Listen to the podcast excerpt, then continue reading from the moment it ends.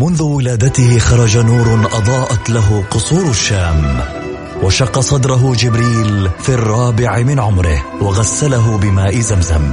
عاش حياته يتيما بلا أب وفقد أمه في عمر السادسة. وبوجوده ورسالته وأخلاقه تغير معه العالم وأصبحنا نسير على سراجه المنير. الآن السراج المنير مع فيصل الكاف على Mix FM Mix FM هي كلها في ال mix. هي كلها في ال mix. السراج المنير مع فيصل الكاف على Mix FM Mix FM هي كلها في ال mix. هي كلها في ال mix.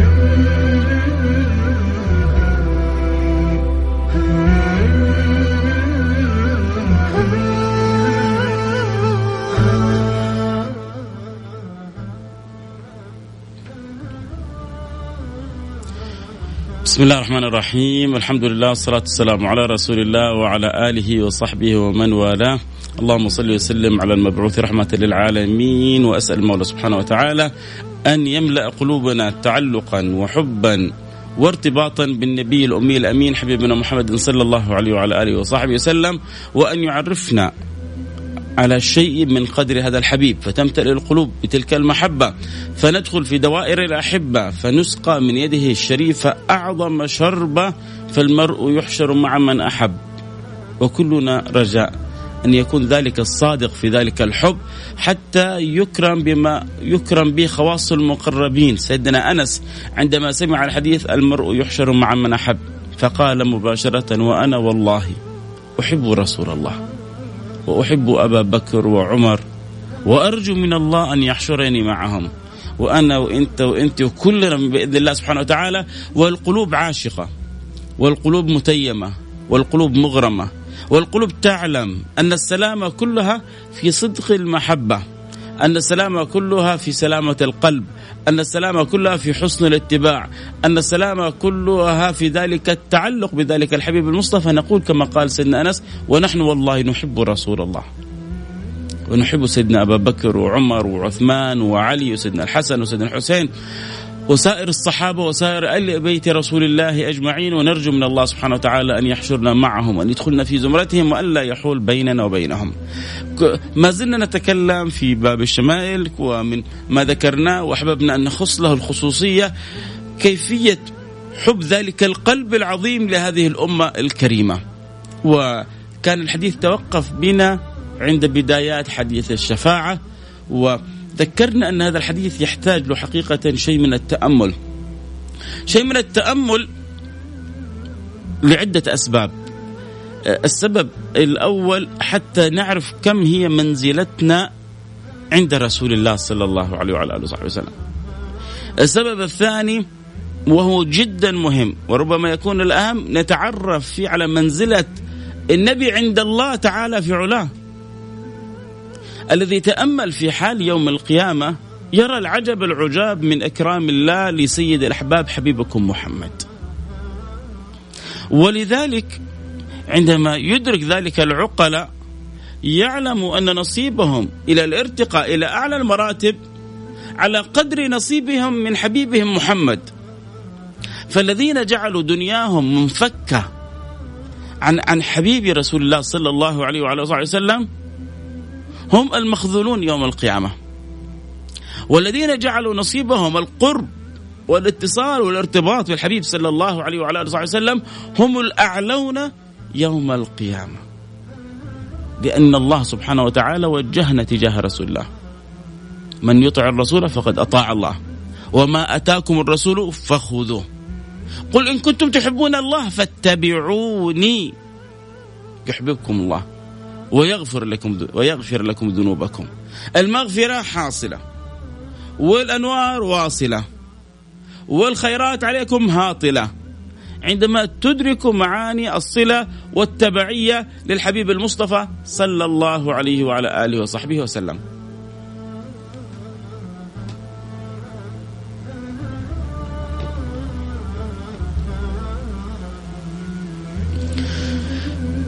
فعندما ندرك أنوار الصلة والتبعية للحبيب المصطفى نكرم بذلك الكرم الأكبر.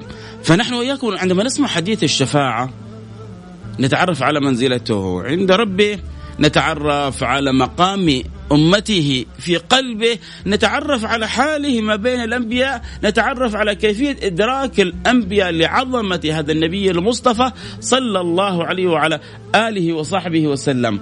الحبيب المصطفى صلى الله عليه وعلى آله وصحبه وسلم أكرم بما لا يكرم لا أحد قبله ولا أحد بعده بما أكرم به من رب العالمين. والله مهما سمعنا من الأحاديث ومهما تلونا عليكم من الأخبار لن تتعرفوا على قدر الحبيب المختار أو تتعرفوا على عظم ما خب الله لهذا النبي إلا يوم القيامة. عندما تروا الأمم كلها مجموعة حول ذلك الحبيب المصطفى صلى الله عليه وعلى آله وصحبه وسلم. لذلك أعطي النبي ما لم يعطى غيره. إيش إيش هو؟ أعطي المقام المحمود. والمقام المحمود لا ينبغي إلا لواحد. والنبي يقول له إني أنا أرجو أن أكونه. وهو هو ولكنه من أدب وتواضع. ولما سئل النبي في أحد الاحاديث عن المقام المحمود قال هي الشفاعة. عندما يصيب الناس ما يصيبهم من الكرب. عندما يجتمعون في أرض المحشر.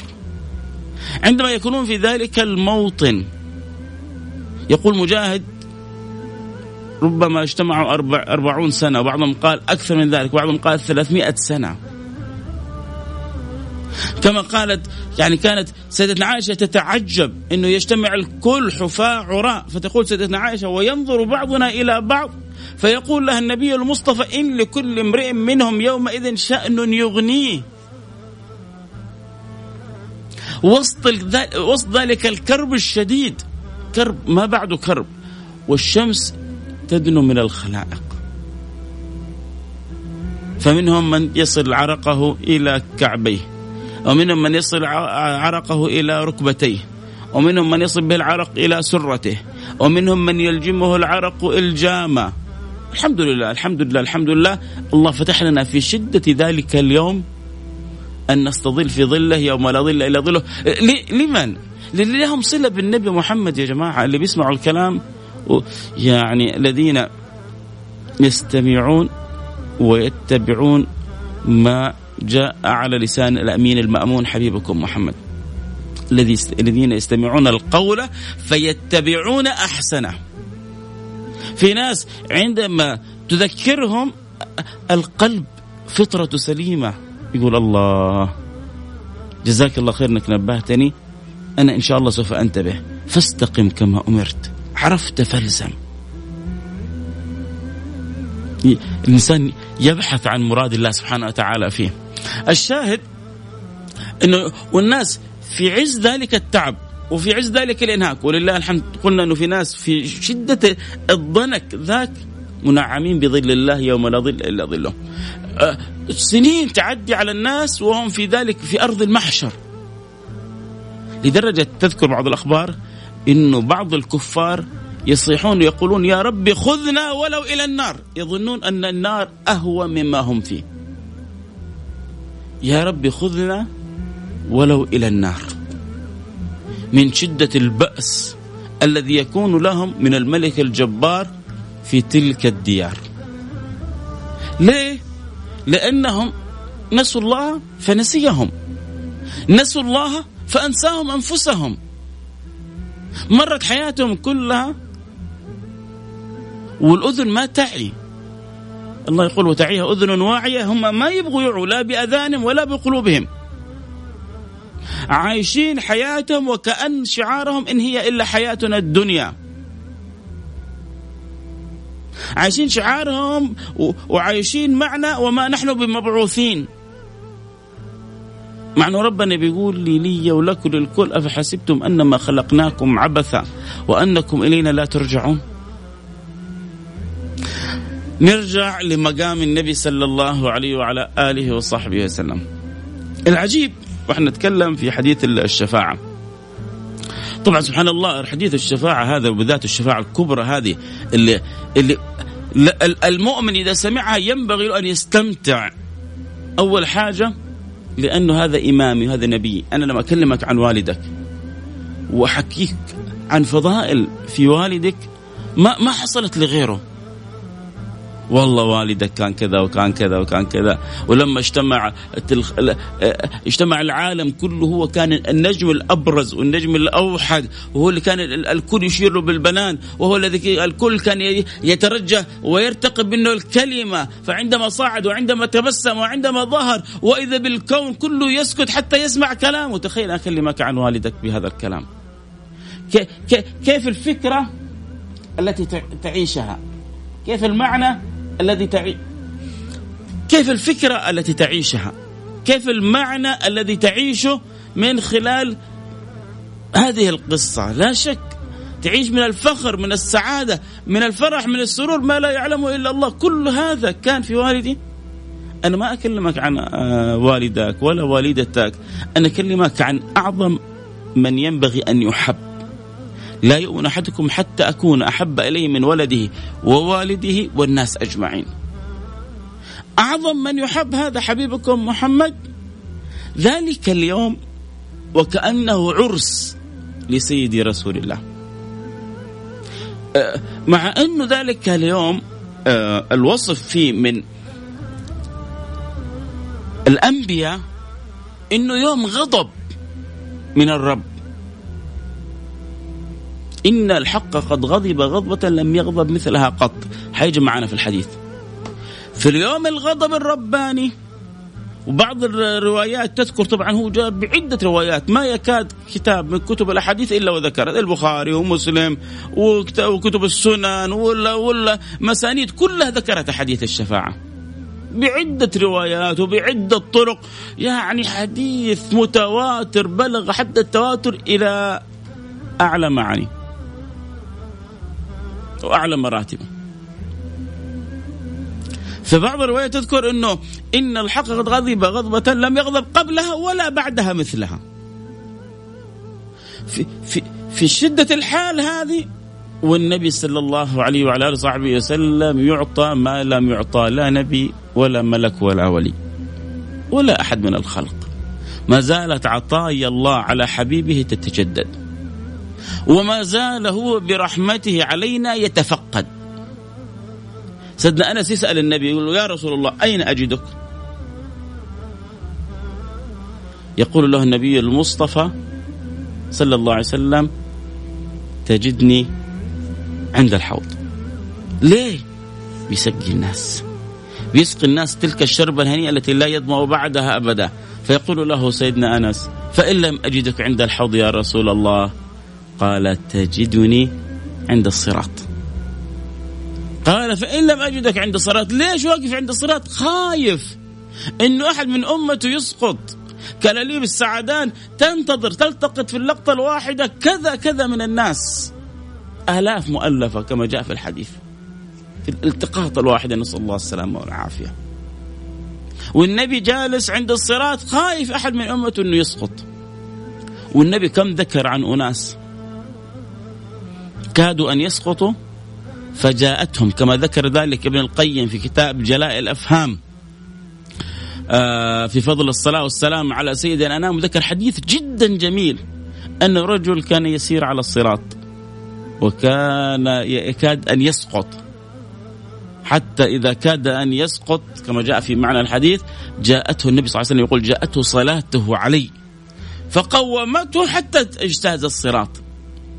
فجاءت الصلاة على رسول الله أخذت بيد هذا الرجل فساعدته حتى جاوز الصراط. ما هو النبي يقول بعض من يسيروا على الصراط يصيرون كالبرق الخاطف وكالرعد القاصف. أسرع شوف البرق كيف ومضة عين.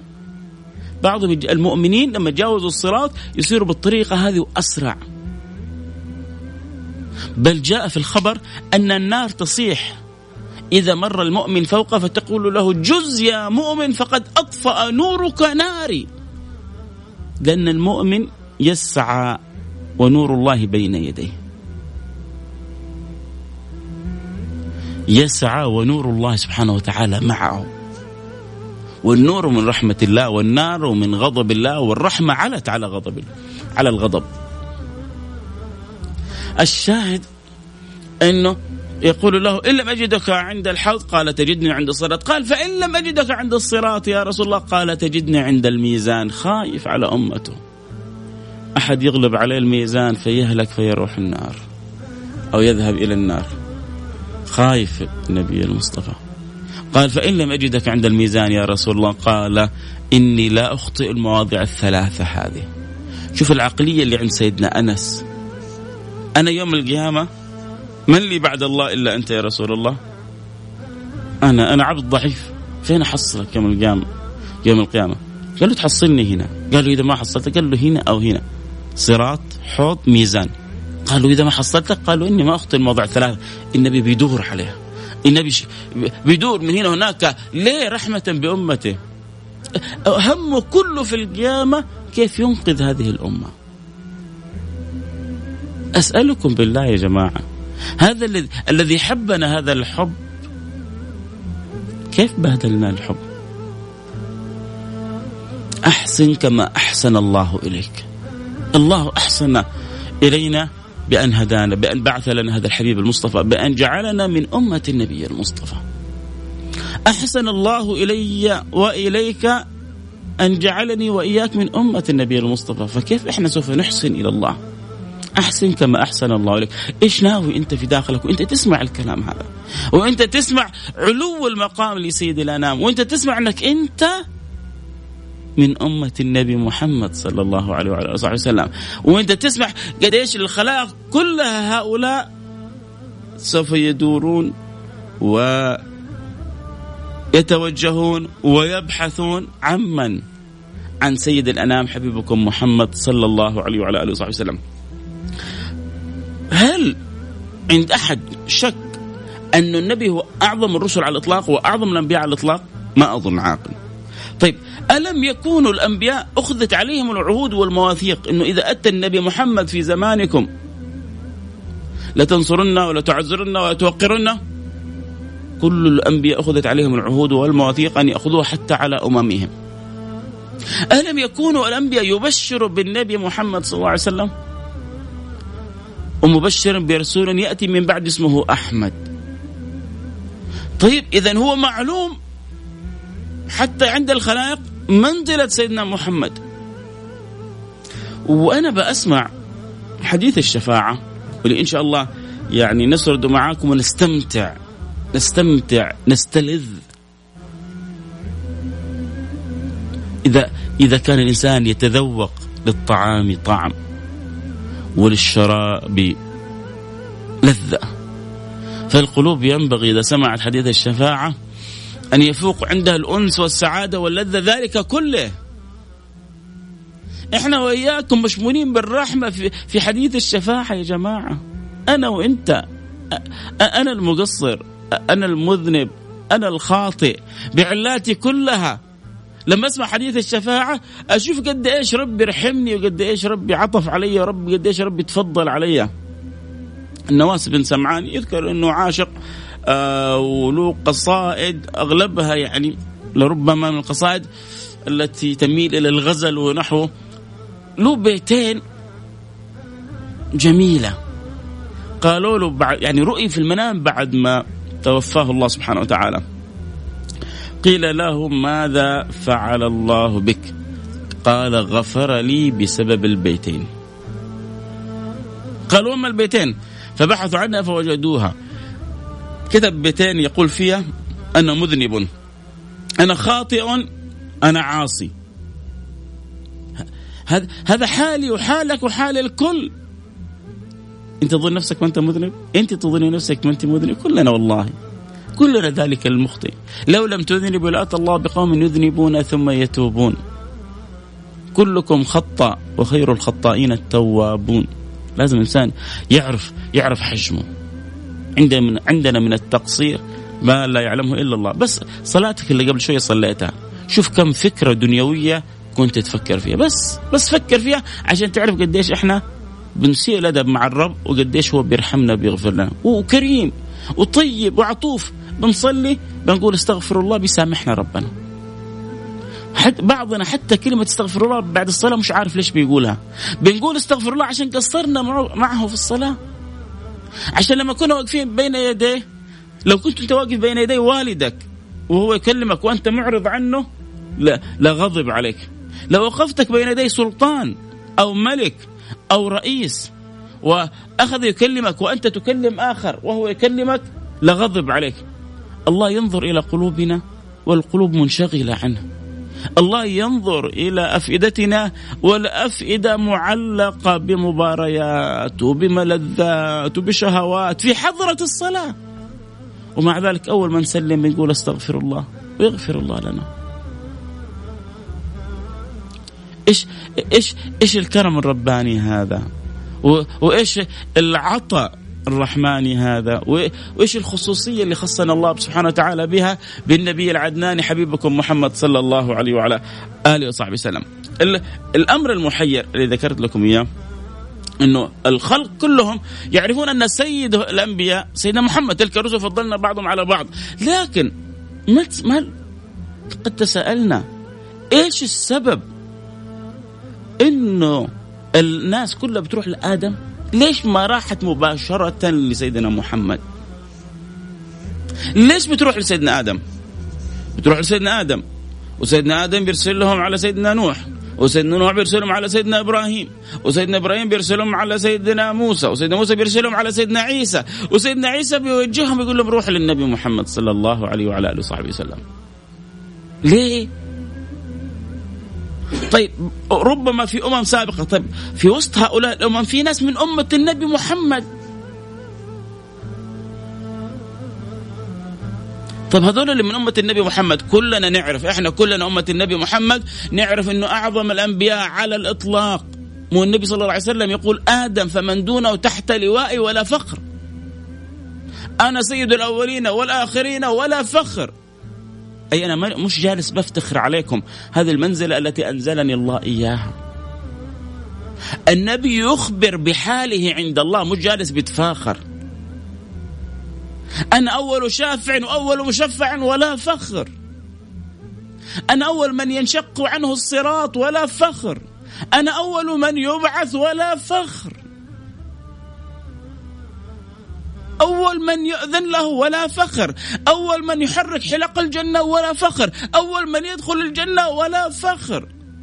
أنا بخبركم مجرد إخبار بما أكرمني به الملك الغفار ولا فخر.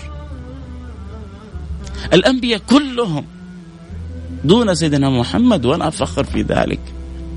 لما سمع يوم من الأيام الصحابه يتكلموا عن سيدنا موسى وسيدنا إبراهيم وسيدنا عيسى. سيقولون موسى كليم الله إبراهيم خليل الله آه موسى آه موسى كليم الله عيسى روح القدس. النبي قال لهم كل اللي قلتوه حق ولكني حبيب الله. جاء بعد ذلك يقول لهم لو كان موسى حيا لما وسعه إلا اتباعي. ما عنده خيار آخر. لو كان موسى لسه حي ما عنده إلا خيار واحد. ما يمكن يقول أنا نبي ما يكون إلا تابع لمحمد. وعشان تتأكدوا من المسألة هذه آخر الزمان سوف ينزل الله سيدنا عيسى ويكون تابع لمحمد. إنه محمد. إنه حبيب الله. إنه رسول الله. أي أي عظمه أي منزلة أي إكرام اكرم يكرم الله به سيد الأنام. هذا الذي يكرم بهذا الإكرام يوم القيامة ما لا يشغل باله شيء إلا أمته. أه نداؤه كلامه صوته عنده كلمة واحدة. الرب يسأله وهو يقول أمتي أمتي أمتي أمتي أمتي أمتي أمتي أمتي. ما عنده شغلة أخرى إلا إلا, إلا, إلا ذلك المعنى. لذلك سيدنا عبد الله بن عباس كان من دعائه اللهم تقبل شفاعته الكبرى وآته الدرجات العليا. وأعطه سؤله في الدنيا والأخرى كما أتيت إبراهيم وموسى. اللهم تقبل شفاعته الكبرى وآته الدرجات العليا وأعطه سؤله في الدنيا والأخرى.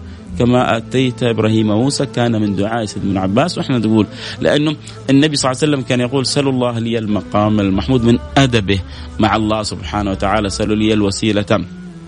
لا نسأل الله دائما الوسيلة والدرجة العالية.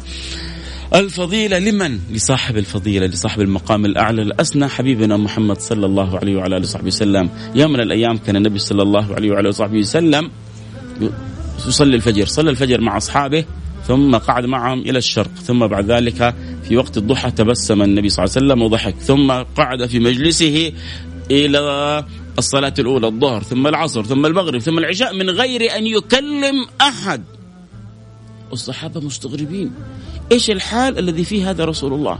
النبي أصابه حال وهو صامت والصحابة كلهم في هيبة أن يكلموا رسول الله. لأن طال الأمر صار الأمر إلى صلاة العشاء. راحوا عند سيدنا أبو بكر الصديق.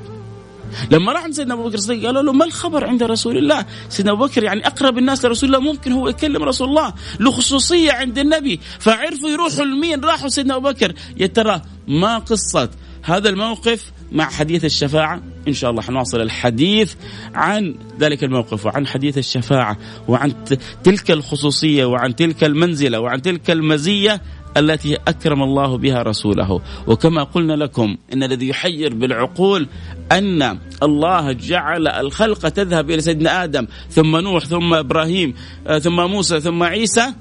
والله أعلم ولعل من الحكم في ذلك. وهذا ما نختم به. إيه، كلامنا الآن أنه أراد أن يعرف الأمم منزلة النبي محمد.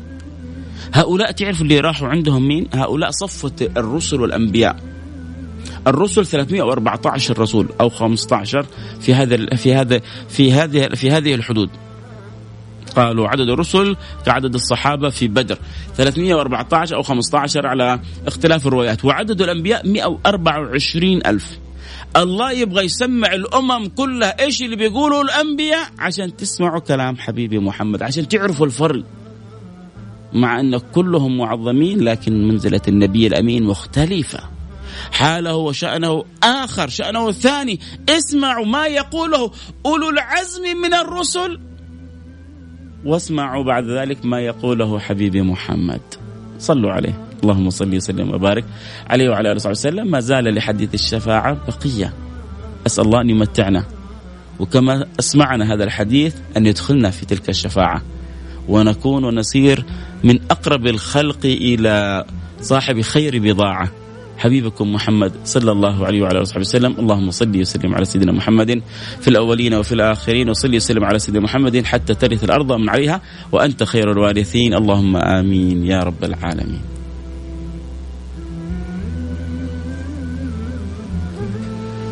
حياكم الله أحبة إن شاء الله فاصل سريع وحنرجع نواصل. طبعا اللي أكيد يحب يتابع الحلقة صوت وصورة حينضمون على الإنستغرام لايف آه، @فيصل كاف. أتمنى إن شاء الله تكون الحلقة بإذن الله سبحانه وتعالى آه، ممتعة لأنه الكلام فيه عن عن عن الجميل عن أجمل الخلق وأطيب الخلق وأنور الخلق و أزكى الخلق. حبيبكم محمد صلى الله عليه وعلى آله وصحبه وسلم. فبإذن الله سبحانه وتعالى إن شاء الله نواصل الحديث و والحديث شيق بإذن الله سبحانه وتعالى لأنه المقام شيق والوصف شيق وكلنا أنا وأنتم هذه الحقيقة المطلقة هذه الحقيقة التي سوف نشاهدها كلنا. ذلك المكان اللي حنجتمع فيه كلنا ذلك المكان اللي حندور فيه كلنا على النبي صلى الله عليه وعلى آله وصحبه وسلم. فكونوا يعني منصتين لواقع سوف نمر به كلنا في ذلك اليوم. نور الله قلوبنا أخذ الله بأيدينا أكرمنا بشفاعة النبي المصطفى جعلنا من أقرب الخلق إليه. في ناس حيكونوا قريبين من النبي السابقون السابقون أولئك المقربون ثلة من الأولين وقليل من الآخرين الله يجعلنا منهم. في دخلنا في دائرتهم ولا يحرمنا بركتهم. قولوا آمين. فاصل سريع ونرجع نواصل. أتمنى من المستمتعين يخبروا باقي أصحابهم يكونوا معانا على السمع عشان تعم الفائدة بإذن الله سبحانه وتعالى. تحب تتابع الحلقة صوت وصورة؟ ممكن تضمنا على ال Periscope at Mix FM أو على الإنستغرام فيصل كاف. F A I S A L K A F تابع الحلقة صوت وصورة.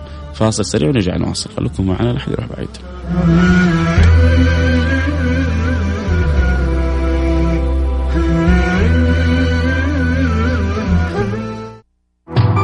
السراج المنير مع فيصل الكاف على Mix FM. Mix FM هي كلها في الميكس.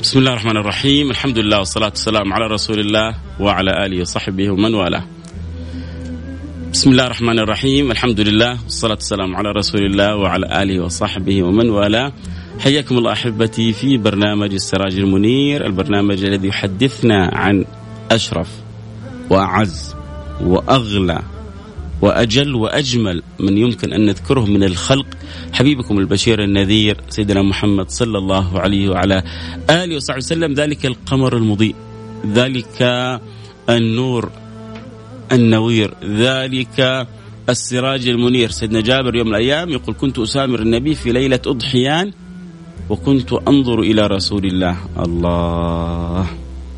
كنت أنظر إلى رسول الله وأنظر إلى القمر وأنظر إلى رسول الله وأنظر إلى القمر وأنظر إلى رسول الله وأنظر إلى القمر. فوالله لوجه رسول الله أضوأ من القمر. للقلوب التي تدرك للقلوب التي تبصر القلوب التي تشاهد. لوجه رسول الله صلى الله عليه وعلى آله وصحبه وسلم طبيعي أن يكون اضواء من القمر ومن الشمس ومن كل شيء. ليش؟ لأنه من نور الله. لقد جاءكم من الله نور وكتاب مبين، الكتاب المبين القرآن قال سيدنا ابن عباس والنور سيدنا محمد صلى الله عليه وعلى آله وصحبه وسلم ما أجل وأعظم تلك الأنوار. التي كان يراها الصحابة من النبي المختار ما فقط كان نور كان إذا تكلم حتى كان إذا تكلم خرج النور من بين ثناياه كان أفلج الأسنان. في في أسنانه في فرقة. لذلك تعتبر هذه حتى الفرقة تعتبر علامة جمال. لما يكون في الأسنان فيها شيء من الفرقة البسيطة علامة جمال. وهي بلا شك علامة جمال لانها كانت في سيد أهل الجمال حبيبنا محمد. كان إذا تكلم خرج النور من بين ثناياه. حبيبكم محمد صلوا عليه. فنحن وإياكم نتكلم عن عن أجمل الخلق أعطر الخلق أزهر الخلق أنور الخلق. حبيب الخالق. مهما نتكلم لو نمضي عمرنا كله نتكلم في ما نوفي حقه. ولا يستطيع الإنسان أن يصف جمال ذلك الإنسان منزه منزه منزه عن شريك في محاسنه فجوهر الحسن فيه غير منقسم من هو؟ حبيبكم رسول الله. صلى الله عليه وعلى آله وصحبه وسلم. نتكلم إحنا وياكم عن أجمل الخلق في أعظم موقف. في أجل وأكثر المواقف هيبة على الإطلاق. بل في الموقف التي تبرز فيه مكانة وعظمة سيد أهل الأخلاق حبيبكم محمد. والذي يشير بالبنان إلى سيد الأكوان أولي العزم من الرسل. عندما يجتمع الخلائق في أرض المحشر وتدنو منهم الشمس بمقدار الميل. لا أدري أهو ميل المسافة أم ميل المكحل يقول سيدنا أبو هريرة وكلاهما مصيبة من شدة الحرارة. الآن الشمس تبعد عننا 150 مليون كيلو متر قال أهل العلم لو قربت ميل كيلو واحد لاحترقت الأرض بمن فيها. ولو بعدت كيلو واحد لتجمدت الأرض بمن فيها. إنا كل شيء خلقناه بقدر. فقدرنا فنعم القادرون جل الله. كيف اللي, اللي خلق كل حاجة بميزان. مئة فوق المئة مليون ميل تبعد عننا وشوف كيف الحرارة والشمس. كيف لما تصير قريبة ميل واحد. في ذلك الوقت عندما يضيق ما الضيق بالناس ويأكلهم الأمر. وكلهم مجتمعين حفاة عراة وكل إنسان منشغل بنفسه وكل واحد تفكيره أنا إلى جنة ولا إلى نار؟ أنا إيش وضعي؟ أنا إيش حالي؟ تقول سيدتنا عائشة وينظر بعضنا إلى بعض فيقول له النبي كل امرئ منهم يومئذ شأن يغنيه فيأتي العقلاء الذين يعرفون أنه ينبغي أن تكون هناك أبواب للرب. هناك أبواب للرب.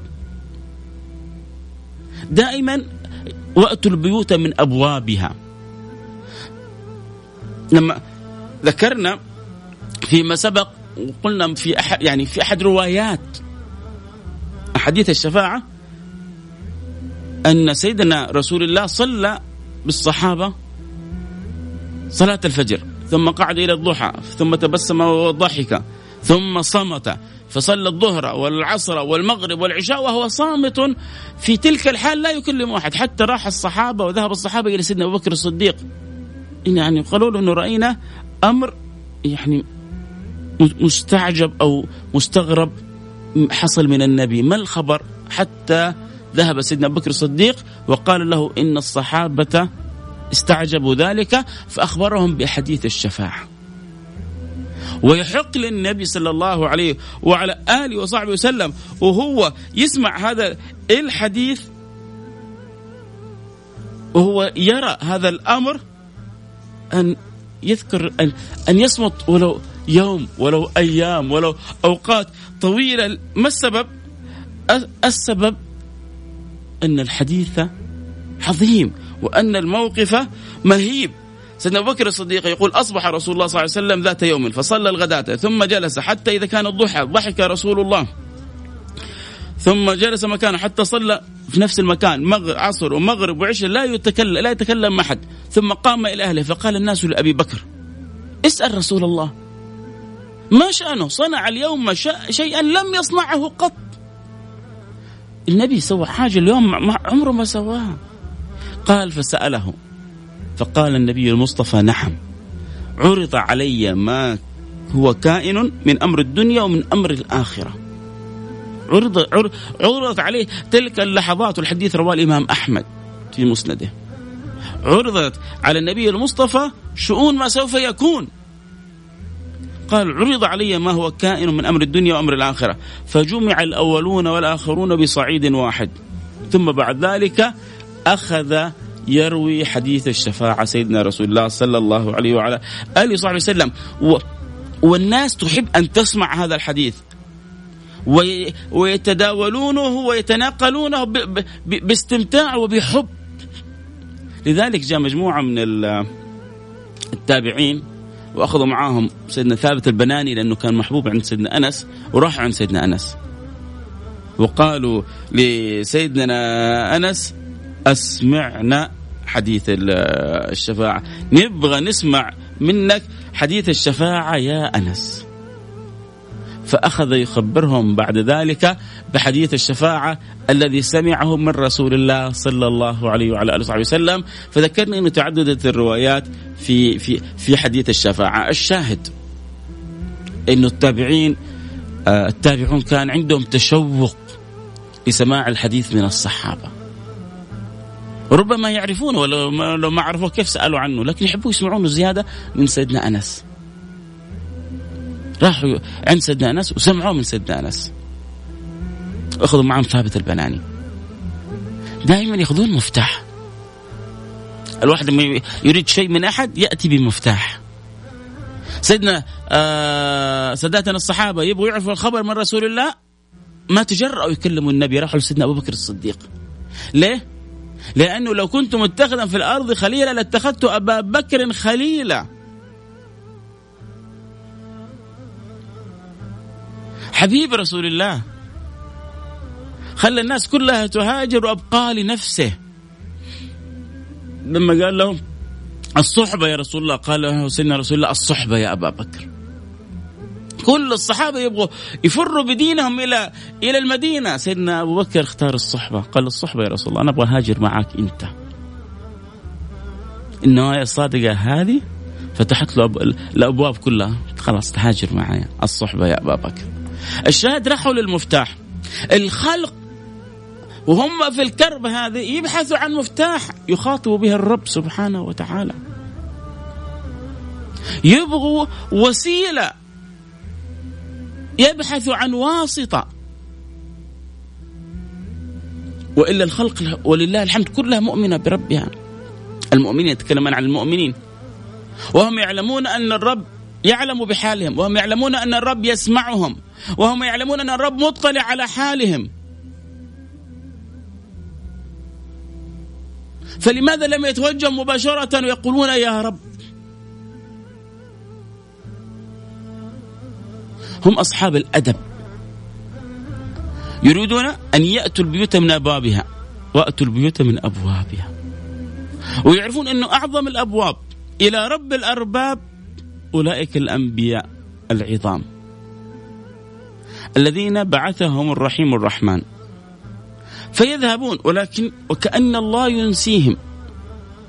وإلا ما الداعي للذهاب لآدم؟ ثم إبراهيم ثم موسى ثم عيسى وقبلهم نوح حتى يصل سيدنا محمد. الكل يعلم أن سيدنا محمد هو النبي الأعظم على الإطلاق. بل أخذت العهود والمواثيق على الأنبياء في تعزير وتوقير ونصر النبي محمد صلى الله عليه وسلم والتبشير برسول الله. ولكن وكأن الله ينسيهم. حتى يسمعوا جواب أولئك الأنبياء وبعدين يسمعون جواب النبي محمد. العجيب إنه في يوم الغضبة الكبرى التي لم يغضب الله قبلها ولا بعدها العطاء على سيدنا محمد ما زال يتواصل كما جاء في الحديث البخاري. العطاء الرباني لسيدنا الدلال الحب الإكرام الخطاب اللطيف الخطاب الودود ما زال على النبي العدنان يتواصل حتى في يوم الغضبة الكبرى. لماذا؟ إنه محمد. يا جماعة أنا ما أكلمكم عن أي أحد. أنا أكلمكم عن من قال في سيدنا ابن عباس ما خلق الله ولا ذرى ولا برى نفسا أكرم عليه من محمد. حبيب الله رسول الله. أستعجب وإحنا نتكلم عن النبي أن يتبادر إلى الذهن وهذا الحديث كله في البخاري ومسلم. وفي السنن وتواترت فيها ان ان أن تستثقل بعض الأنفس الكلام بهذه الطريقة عن سيد رسول الله. آه أو أن يشعر أن في شيء من المبالغة. آه والله الذي اعطاه هذا وفوق ذلك الله مو إحنا. والله ما عرفنا قدره عشان نبالغ في حبه. ما عرفنا قدره. يقول سيدنا ويس سيدنا علي ما, ما عرفت ما من رسول الله إلا ظله. لكن الحمد لله كلنا مجمعين. ما في أحد في الأمة إلا مجمع. إنه أعظم ما يمدح به النبي هو أنه عبد الله ورسوله. أنه لله عبد. ما شرف النبي بشرف كونه عبد لله سبحانه وتعالى.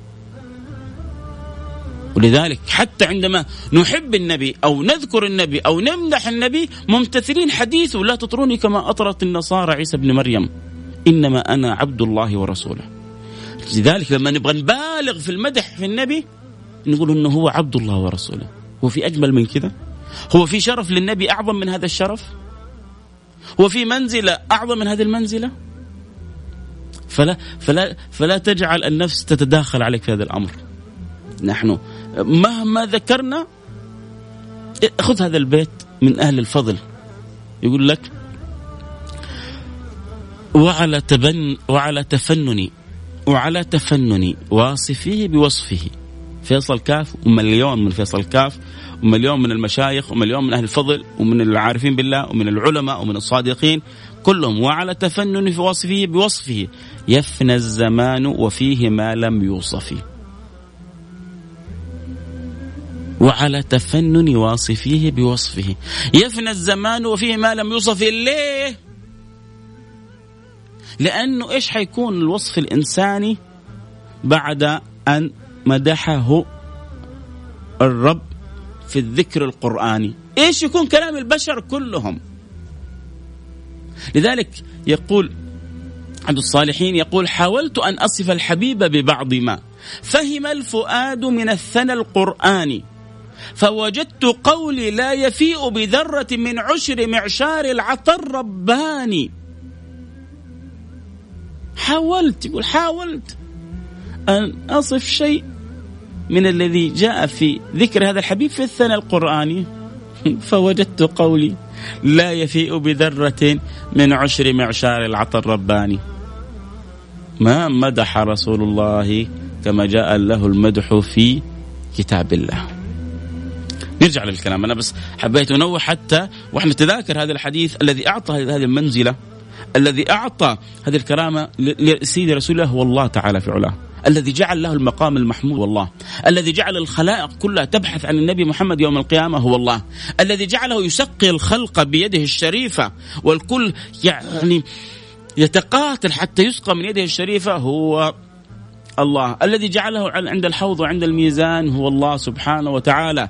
الذي أكرمه في يوم الغضبة الكبرى حتى يأتي النبي محمد صلى الله عليه وسلم ويحمد الله بمحامد. هذا النص في البخاري. يقول فأحمده بمحامد لا أعلمها. يلهمنيها الله في ذلك اليوم. ماذا تقول يا رسول الله؟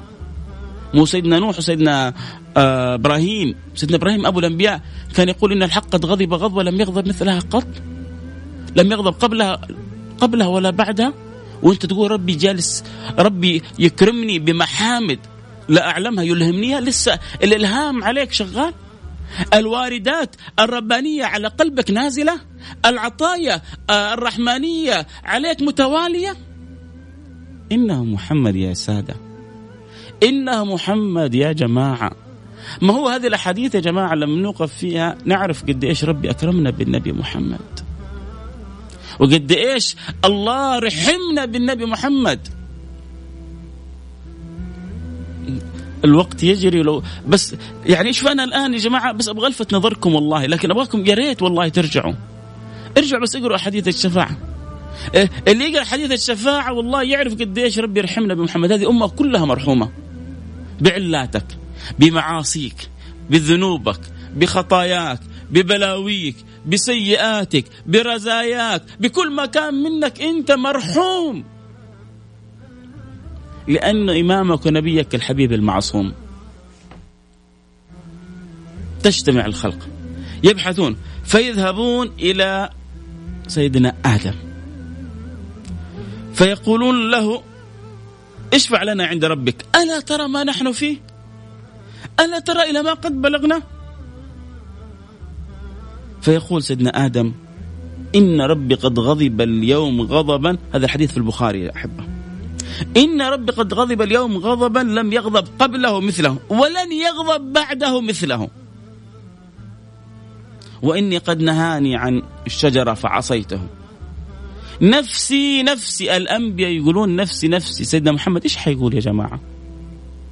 آه، آه، آه، أباء النبي. سيدنا آدم أبو النبي وسيدنا إبراهيم أبو النبي. كلهم يقولون نفسي نفسي. يعني أنت مفروض تكون مثل آبائك تقول نفسي نفسي يا محمد. طب خلونا نشوف. ولكن اذهبوا إلى غير اذهبوا إلى إلى نوح. فيأتون إلى نوح يقولون أنت أول الرسل. وأنت آه من أرسلك الله وسماك عبدا شكورا. اشفع لنا عند ربك. جالسين بيلطفون سيدنا نوح. يبغون يحركون في في قلب ذلك الخاطر حتى يشفع لهم. يبغوا الفكة. قلنا لكم إنه جاء في في في الخبر إنه بعض الكفار يقولون يا ربي خذنا ولو إلى النار. يظنون ان النار أهون من شدة العذاب أو شدة الصعوبة اللي هم فيها. الكفار. المؤمنين يعرفون إنهم يبحثون عمن يكلم لهم الملك الغفار. فيذهبون إلى سيدنا نوح. سيدنا نوح يقول لهم إني قد كنت كانت لي دعوة ودعوت بها على قومي. مستحي سيدنا نوح. أنا لي دعوة لكني دعيت فيها على قومي. رب لا تضع الأرض من الكافرين ديارا. رب إنك ان تذرهم يضل عبادك ولا يلد إلا فاجرا. كفارة دعوة سيدنا نوح على قومه. ولكن اذهبوا إلى إبراهيم أبو الأنبياء. فسيدنا إبراهيم يقول إن ربي قد غضب اليوم غضبا لم يغضب قبله ولن يغضب بعده مثله. ولكن اذهبوا إلى موسى. فيذهبون إلى موسى. فيقول نفس الكلام ويقول إني قتلت امرئا من غير أن أؤمر بقتله. اذهبوا إلى عيسى. يذهبون إلى سيدنا عيسى. بيمروا وبيسمعوا كلام الأنبياء وكل نبي بيقول نفسي نفسي نفسي نفسي نفسي نفسي. عشان كذا يا جماعة لما بقول لكم يا جماعة يا أحبة يا سادتي يا تاج راسي يا يا نور عيني الكيس من دان نفسه وعمل لما بعد الموت. الكيس من دان نفسه وعمل لما بعد الموت. يحتاج الإنسان أن يستعد إلى ذلك اليوم. يحتاج الإنسان أن يتنبه إلى يوم الغضبة الكبرى. الحمد لله صحيح إنه رحمة ربي والآن الحديث اللي اللي, اللي, إن شاء الله حنكمله الآن. لو سمع الواحد حيقول خلاص أنا حنام في بيتي وأنا مطمئن. لكن العبرة الأدب الخلق التوجيه ما هو؟ أحسن كما أحسن الله إليك. أحسن كما أحسن الله إليك. الشاهد يذهبون إلى سيدنا عيسى يشير لهم للنبي صلى الله عليه وسلم. عند الإشارة إلى النبي صلى الله عليه وسلم أمر الأنبياء كلهم قالوا نفسي نفسي. طيب أنت تقول المفروض المفروض تقول أحاول أشوف لكم آه دعواتكم أي أي لكن أن تأتي بصيغة الجزم وتقول أنا لها أنا لها أنا اللهم صل عليك يا حبيبي يا رسول الله. اللهم صل على ذلك النبي الذي قال أنا لها والأنبياء كلهم يقولون نفسي نفسي ما أجلك وأجملك وأعظمك وأزهاك وأبهاك وأنظرك وأنورك يا حبيبي يا رسول الله. أنا لها. الله لا يحرمنا من القرب منه في ذلك اليوم وفي ذلك الموقف. يا رب يا رب أنا لها. الأنبياء يقولون نفسي نفسي. وأنت ما تتردد ابدا؟ يعرف منزلته عند الرب سبحانه وتعالى. يعرف أن الله ما أحب أحدا مثل ما أحبه. أنا لا. في, في, في وقت يعجز فيه الأنبياء كلهم يقولون نفسي نفسي أنا أقول لكم أنا له أنا له بعدين يجي واحد يقول لا تبالغوا. يجي واحد يقول آه لا تكثروا من هذا الحب. والله والله مهما أحببنا رسول الله طبعا لا أحد فينا يرضى بالغلو ولا أحد فينا يرضى بمجاوزة الحد. لكن أن نصدق في الحب أن نطلق عنان الحب فلا منتهى لذلك الحب. كلنا لما نحب ونصدق بالحب ذكرنا وأؤكد عليها أن غاية ما نراه في رسول الله أنه عبد الله وأنه رسوله. حبة بشر. أحبه الله سبحانه وتعالى فأحببناه. أنا لا فيذهب إلى المولى سبحانه وتعالى. فيحمد الله بمحامد. هو النبي صلى الله عليه وسلم يقول لا أعلمها فيلهمنيها الله سبحانه وتعالى في ذلك اليوم. ثم يسجد. عندما يسجد الله الله شوف شوف الدلال يا جماعة. شوف شوف العطر الرباني من المولى سبحانه وتعالى للنبي محمد. الله يلاطف النبي محمد يقول يا محمد ارفع رأسك. خلي رأسك مرفوع فوق فوق. ارفع رأسك. سل تعطى اشفع تشفع. يا محمد انت وضعك وقصتك وخبرك وشأنك ثاني غير الخلق كلهم. وإن قالوا الأنبياء كلهم نفسي نفسي أنت أمرك ثاني. يا محمد ارفع رأسك. سل تعطى اشفع تشفع. قل قل يسمع لقولك إنه حبيبي رسول الله. الله. الله الله الله الله الله الله. يتشفع النبي المصطفى صلى الله عليه وعلى آله وصحبه وسلم. يشفع في في هذه الأمة يشفع في في كل من كان في قلبه مثقال ذرة من إيمان فيشفعه الله سبحانه وتعالى في كل من كان في قلبه مثقال ذرة من إيمان فيخرجهم النبي صلى الله عليه وسلم من النار. ثم يسجد مرة أخرى. يا محمد ارفع رأسك. سل تعطى. اشفع تشفع تعرف أول كلمة يقولها أول ما يرفع رأسه النبي صلى الله عليه وسلم إيش؟ أول كلمة يقولها. يا جماعة بادروا النبي هذا الحب. أرجوكم. والله بقول لكم كذا عشان يكون لكم المقام الأعلى الأسنى الأهنى يوم القيامة. أول كلمة يقولها بعد ما الرب يقول له يا محمد ارفع رأسك. سل تعطى اشفع تشفع. قل يسمع لقولك اللي تبغاه. ما يقول فاطمة ابنتي ولا يقول العباس عمي ولا يقول صفية عمتي. العادة في الإنسان يفكر في نفسه. أول شيء بيقول فاطمة ابنتي العباس عمي صفية عمتي. ما يقول ذلك كله. أول كلمة يقولها أمتي أمتي. مين أمتي أمته أنت أنا أنت أول ما يفكر فينا النبي صلى الله عليه وسلم فيقول له الرب سبحانه وتعالى أخرج مو أول شيء قال له أخرج من كان في من كان في قلبه مثقال ذرة أخرج من كان في قلبه مثقال مثقال ذرة من إيمان. فيرجع يسجد. بعد ذلك الحديث اللي رواه سيدنا أنس له تكملة عجيبة أبغى أحكيكم إياها. بعد ما خلصوا من سيدنا أنس وذكر لهم سيدنا أنس إنه النبي صلى الله عليه وسلم يخرج من كان من كان في قلبه مثقال ذرة من إيمان. قالوا هل مررنا على الحسن حسن البصري مروا عليه. فحدثوه بحديث سيدنا أنس يبغوا يفرحوه. سمعنا اليوم حديث من سيدنا أنس الله الله على الحديث. سيدنا الحسن قال لهم لعله إما أنسي أو لم يحب أن يخبركم فتتواكلوا ربما هو يا إنه يعني في تلك اللحظة أنسي أو ما يبغى يخبركم عشان ما تتواكلون فتح أولئك تابعين تشوقوا. حدثنا حدثنا. قال لما خلق الإنسان عجولا. أصلا أنا ما قلت لكم كذا إلا أبغى أحدثكم اصبروا شوية. فإذا بسيدنا الحسن يقول لهم فسجد النبي لربه الرابعة. هذا هذا من حديث سيدنا أنس اللي رواه للحسن البصري. يقول لهم ثم أعود الرابعة. فأحمده بتلك المحامد ثم أخر له ساجدا. فيقول فيقال يا محمد يرفع رأسك ويقول اسمع وسل تعطى واشفع تشفع. فيقول يا رب ائذن لي في من قال لا إله إلا الله.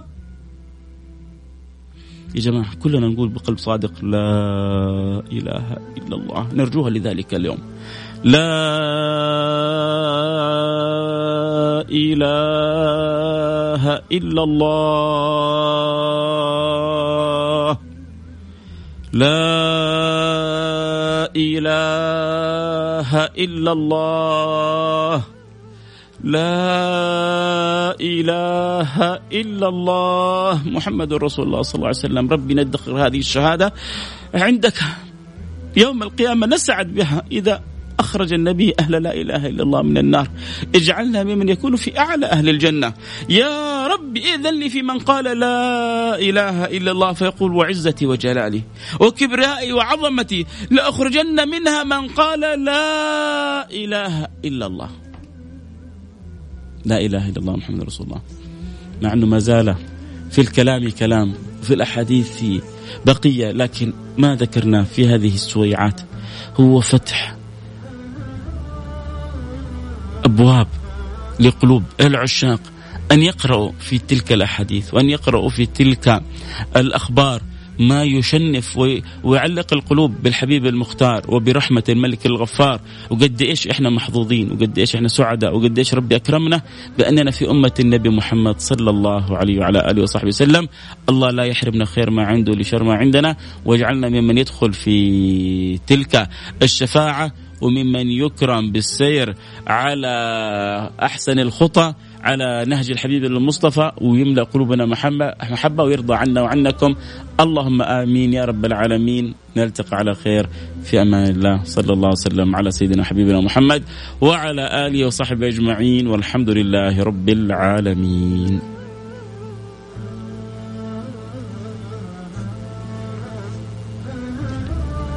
حياكم الله أحبتي ما شاء الله تبارك الله استمتعنا كثير بالحديث آه، معكم عن الحبيب المصطفى صلى الله عليه وعلى آله وصحبه وسلم آه، دائما الأحاديث عن الحبيب المصطفى آه، لا لا تمل يسعد بها الإنسان يأنس بها الإنسان.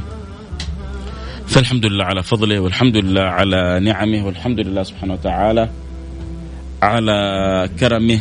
والحمد لله على أن الله سبحانه وتعالى خصنا في نسبتنا إلى هذا النبي المصطفى صلى الله عليه وعلى اله وسلم. أتمنى والله إني يكون استطعت أن أنقل آه، شيء من من المعاني الجميلة في تلك آه، الليالي آه، العظيمة وعن حال الأمة وعن منزلة النبي وعن حالنا مع رسول الله صلى الله عليه وعلى آله وصحبه وسلم وعن المقام المحمود اللي تكلمنا عنه ألا وهو آه، الشفاعة كما ذكره النبي المصطفى صلى الله عليه وعلى آله وصحبه وسلم أتمنى أنه الحلقة موجودة كذلك على تويتر @فيصل كاف اللي يستمتعوا بها آه، يدخلوا على تويتر ويسووا لها retweet عشان البقية يستفيدوا منها. آه، استمتعت بالحلقة؟ تكرر من طلب بسيط ادخل على تويتر @فيصل كاف وسوي retweet للحلقة عشان توصل لكل اللي عندك. أتمنى إنه نقدر نوصلها لأكبر مساحة ممكنة. لعل الله سبحانه وتعالى أن ينظر إلينا وأن يرضى عنا وشوفنا كيف حابين أنه نتعلق وننشر حديث الشفاعة. عسى. لأنه إن الله يدخلنا في شفاعة صاحب الشفاعة.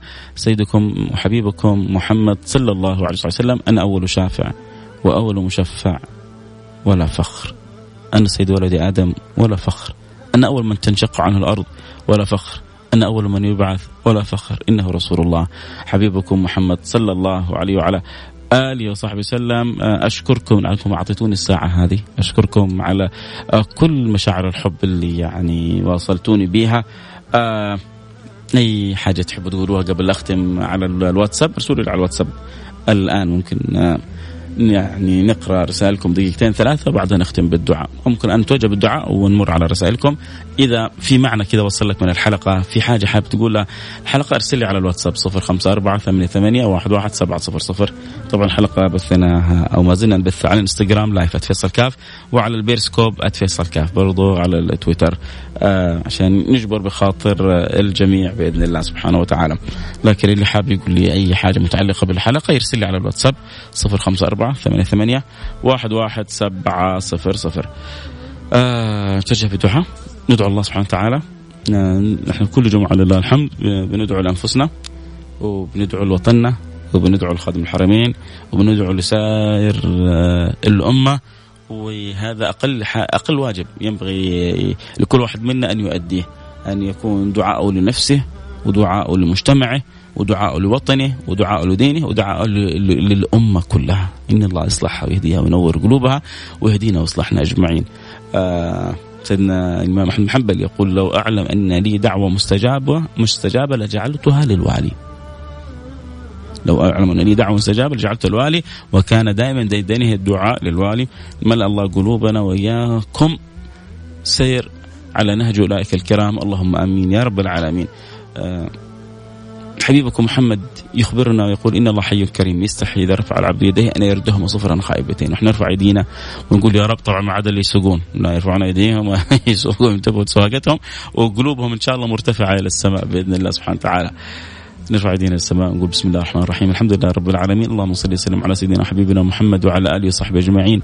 اللهم يا واحد وأحد يا فرد يا صمد يا حي يا قيوم يا رحمن يا رحيم. اللهم يا من لا تخيب من دعاك ولا ترد من رجاك. أكرمتنا في هذه الساعة بأن ذكرتنا بحديث الشفاعة. اللهم اجعلنا ممن يدخل في شفاعة النبي المصطفى صلى الله عليه وعلى آله وصحبه وسلم. تلك الشفاعة التي خبأها لأهل الكبائر من أمته. اللهم يا رب العالمين أدخلنا في تلك الشفاعة. اللهم ادخلنا في تلك الشفاعة. واجعلنا في أحسن بضاعة اجعلنا منورين بنور لا إله إلا الله محمد رسول الله. اجعلنا ممن يأتون يوم القيامة غرا محجلين من أثر الوضوء. يا رب العالمين. اللهم يا رب. قولوا أحبتي اللي يسمعوني الآن. من سويد القلب قولوا آمين. اللهم باعد بيننا وبين الحرام كما باعدت بين المشرق والمغرب. اللهم باعد بيننا وبين ما لا يرضيك كما باعدت بين السماء والأرض. اللهم إنا نعوذ بك أن تجدنا حيث نهيتنا. وأن تفتقدنا حيث أمرتنا. اللهم إنا نسألك أن أن تجدنا حيث أمرتنا وأن تفتقدنا حيث نهيتنا. وارحمنا برحمتك التي ترحم بها خاصة من تحب. يا رب العالمين انظر إلينا اصطفينا زكينا اقبلنا على ما فينا ردنا إليك مردا جميلا. تب علينا توبة نصوح طهرنا بها قلبا. وجسما وروح. ارزقنا توبة قبل الموت وشهادة عند الموت ومغفرة بعد الموت. وعفو عند الحساب وأمام العذاب. وارزقنا الجنة وارزقنا النظر إلى وجهك الكريم. يا كريم يا كريم يا كريم يا كريم. اللهم وفق خادم الحرمين الشريفين لكل ما تحب وترضاه اللهم سدد له الخطى.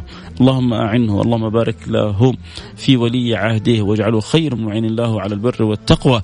وعلى كل ما فيه الخير للعباد وللبلاد. يا رب العالمين. اللهم من أراد ببلادنا سوءا فاجعل كيده في نحره. اللهم من أجعل أراد ببلادنا سوءا فاجعل في تدبيره تدميره. يا رب العالمين احفظ لنا الحرمين الشريفين خاصة واحفظ لنا بلادنا واحفظ لنا سائر بلاد المسلمين. يا رب العالمين اللهم اصلح الراعي والرعية. اللهم من وكلته أمر من أمور المسلمين. من الذي جعلهم في ذلك المكان؟ من الذي نصبهم؟ من الذي مكنهم؟ ألست أنت يا رب؟ اللهم كما مكنتهم فأعنهم.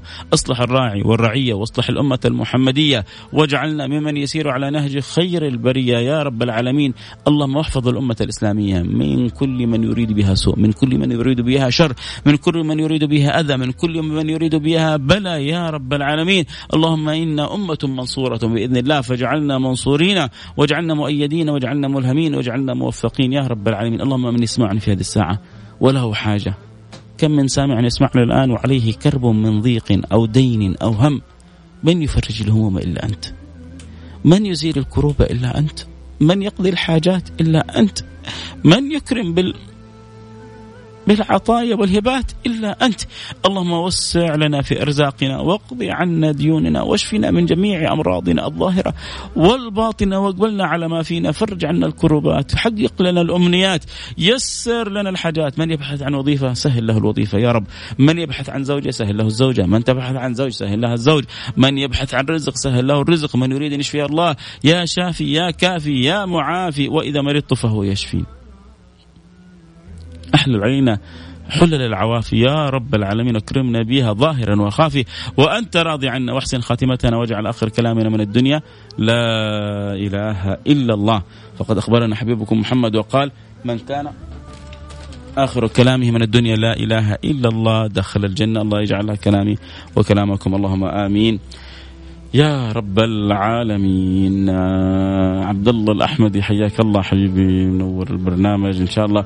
يقول ادعي لي عندي أزمة ماليه ودعنا لك والله من قبل ما نشوف الرسالة. ف آه، شاء الله الله يفرج الكرب عنك يا رب إن شاء الله بإذن الله سبحانه وتعالى. آه صلاح آه من سوريا يقول آه آه شكرا لك حبيبي صلاح. آه، أريم بارجيب النعم بأختي أريم حياك ربي. وحسين آه، بن صالح آه، أحبك الله شكرا يا حبيبي. صلوا على من علمنا الحب وآخى القلب بالقلب وفتح للخير كل درب.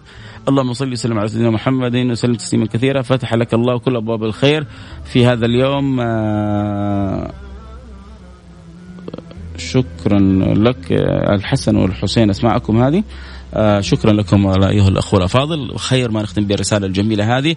آه ألتقي معكم على خير بإذن الله. محمود من الرياض ماني ناسك بس اليوم إحنا ما فتحنا فقرة الأسماء. إن شاء الله المرة الجاية نفتح فقرة الأسماء ونجيب أسماءكم كلها. آه بس كنت أحب يعني أسمع لو في أحد كذا بعد ما تكلمنا عن حديث الشفاعة ربما في باله فكرة معنى حاب خاطرة كان حابب يقولها. ففتحنا المجال لهذا الأمر. فقط أعطي أخوي عبد الرحمن تحية لك ولأخوك عبد الرحمن. كل التحية ولك تهاني في أمان الله. السلام عليكم ورحمة الله وبركاته. طبعا أذكر الاحبه الساعة 9 اليوم على قناة اقرأ الحلقة إن شاء الله تبث صوت وصورة آه، الساعة 9 كل جمعة وسبت. آه، نزلت أنا poster عندي في تويتر. في مواعيد الحلقات. اقرأ مشكورة بتبث الحلقة وتعيدها ثلاث مرات. وهذا يعني تكرم من قناة اقرأ وحرص على نشر سيرة النبي صلى الله عليه وصحبه وسلم. فجزاهم الله كل خير. فلا أقل انك أنت تساهم وتساعد بتذكير من تحب الأوقات البث كذلك. موجودة poster عندي. عندي إيه، في تغريدة مثبتة في تويتر @فيصل كاف. في أمان الله. سامحونا إذا طولنا عليكم. سامحونا إذا أخرنا الغداء على أحد. سامحونا الحمد لله إنه الآن ما في شمس ولا في حر. اللي أرسل لي رسالة أمس. قال لي أنا أشتري غدايا وأجلس أتغدى في السيارة عشان أسمع البرنامج الأجواء حلوة حتى لو فات على الطاقة. أتمنى تكون مستمتع. أستودعكم الله الذي لا تضيع ودائعه. نلتقي يوم الأحد في أمان الله.